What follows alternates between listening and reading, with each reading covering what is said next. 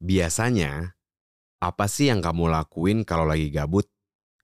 Dengerin musik, nonton film, atau scroll TikTok?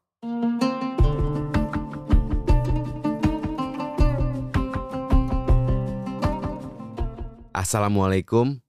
Hai, aku Fajar. Selamat datang di Sepertiga Malam, podcast persembahan dari Kukila. Untuk nemenin kamu selama Ramadan. Di episode kali ini, aku bakal ceritain satu kisah zaman Rasulullah dulu tentang kehebatan dari berzikir. Kalau ngomongin zikir, aku tuh bakal salut dan bangga banget kalau ngeliat ada anak-anak Gen Z yang mulutnya nggak lepas dari zikir. Karena gimana ya? Kamu pasti tahu kan kalau generasi Z itu terkenal dengan kehidupan modernnya yang ditunjang oleh teknologi. Berbagai lagu, musik kekinian, dan games kita kuasain. Ada waktu luang dikit, langsung main handphone dengan berbagai aplikasi serunya. Hal-hal yang kayak gini nih, kalau udah berlebihan, bisa bikin kita lupa sama keutamaan, zikir. Karena zikir ini penting banget. Bikin kita terus ingat sama Allah dan semoga Allah juga senantiasa melimpahi kita dengan rahmatnya dan melindungi kita dari berbagai bahaya. Zikir juga hitungannya praktis, bisa dilakukan di mana aja, dan kapan aja tentunya.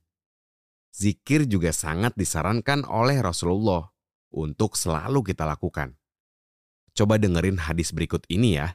Sesungguhnya ada seorang laki-laki bertanya pada Rasulullah Shallallahu Alaihi Wasallam, "Wahai Rasulullah, sesungguhnya syariat Islam sangatlah banyak bagiku. Maka beritahu kepadaku sesuatu yang dapat aku amalkan." Maka beliau Shallallahu Alaihi Wasallam menjawab, "Janganlah berhenti membasahi lisanmu dengan berzikir kepada Allah." Hadis riwayat Tirmizi. Coba flashback sebentar. Biasanya, dalam sehari berapa kali kamu zikir? Kalau kamu belum biasa melakukannya, ketika ada waktu-waktu kosong, maka paling enggak nih, seminimal mungkin deh, kamu harus berzikir setelah selesai sholat. 33 kali baca tasbih, 33 kali baca tahmid, dan 33 kali baca tahlil. Kalau kamu pengen nambah lagi selain setelah selesai sholat, kamu bisa baca zikir setiap pagi dan sore. Iya, namanya zikir pagi dan petang. Cobain deh, paling cuma ngabisin waktu 15 menitan aja kok. Nah, supaya keinginan berzikir kamu semakin kuat, ada satu kisah dari zaman Rasulullah yang akan aku bacakan. Pada suatu hari, ada anak salah seorang sahabat Rasulullah yang ditangkap oleh kaum kafir waktu lagi menggembala domba. Anak itu adalah anak dari Auf bin Malik yang juga punya banyak kumpulan riwayat hadis dan termasuk salah satu sahabat Rasul yang sangat cerdas. Auf bin Malik dan istrinya sangat khawatir, cemas dengan keselamatan anaknya. Lalu Auf bin Malik datang ke Rasulullah nyeritain masalah yang sedang dihadapinya waktu itu. Auf bin Malik bilang begini, Wahai Rasulullah, musuh telah menawan anakku. Aku dan ibunya sangat mencemaskannya. Apa yang harus aku lakukan? Setelah mendengar cerita Auf bin Malik, Rasulullah hanya meminta bersabar menunggu dan gak terus-menerus mengeluh supaya hati Auf bin Malik tenang. Rasulullah menyarankannya untuk banyak berzikir kepada Allah. Rasulullah berkata, "Wahai Auf, perbanyaklah membaca zikir. La haula wala quwata illa billahil alaihil azim." Tidak ada daya dan kekuatan kecuali pertolongan dari Allah yang Maha Tinggi dan Maha Agung. Tanpa berpikir panjang, Auf dan istrinya pun melaksanakan saran dari Rasulullah. Gak disangka-sangka, Beberapa waktu kemudian, berkat pertolongan Allah melalui zikir yang dibaca oleh Auf dan istrinya, anak mereka pun bisa meloloskan diri saat kaum kafir lengah dari pengawasannya. Anak Auf pun pulang dengan selamat sambil tetap menggiring 4.000 ekor dombanya. Masya Allah banget ya. Begitulah cara Allah ngasih jalan keluar kepada hambanya setelah menghadapi kesulitan. Auf dan istrinya pun bahagia banget.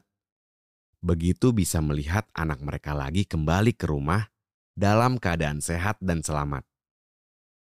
Nah, itu baru kekuatan dari zikir la haula wa la quwata illa billah hil alahil azim. Gimana dengan kekuatan kalimat zikir yang lainnya? Pasti nggak kalah dahsyatnya deh. Meski terkadang rasanya berat untuk rajin berzikir, tapi lagi-lagi kita harus bisa melawan rasa malas di diri sendiri. Dengan kita menjadi generasi yang hobi berzikir, itu bakal nunjukin bahwa kita sanggup untuk melakukan ibadah-ibadah lainnya yang mungkin tantangannya lebih besar. Karena zikir itu ibarat pintu pembuka untuk selangkah lebih dekat dengan Allah. Dan bisa dinotis sama Allah. Pasti kita semua pengen banget kan bisa dinotis Allah dan disayang terus sama Allah.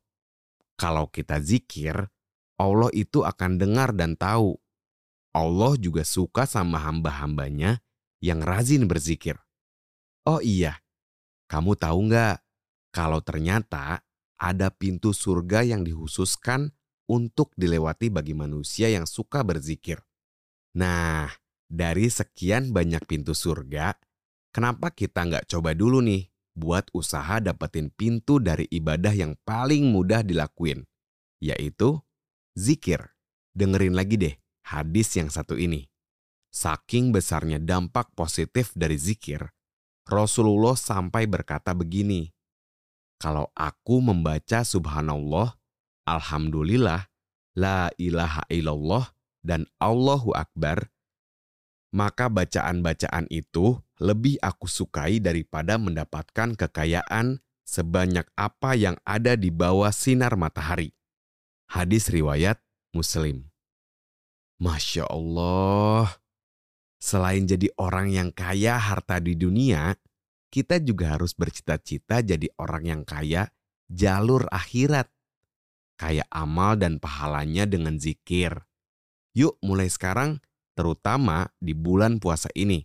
Ketika pahala lagi berlipat ganda, kita sering-sering isi waktu luang dengan berzikir ya. Oh iya, sepertiga malam mengudara setiap hari selama Ramadan. Follow dan nyalain notifikasi biar nggak ketinggalan episode selanjutnya. Assalamualaikum.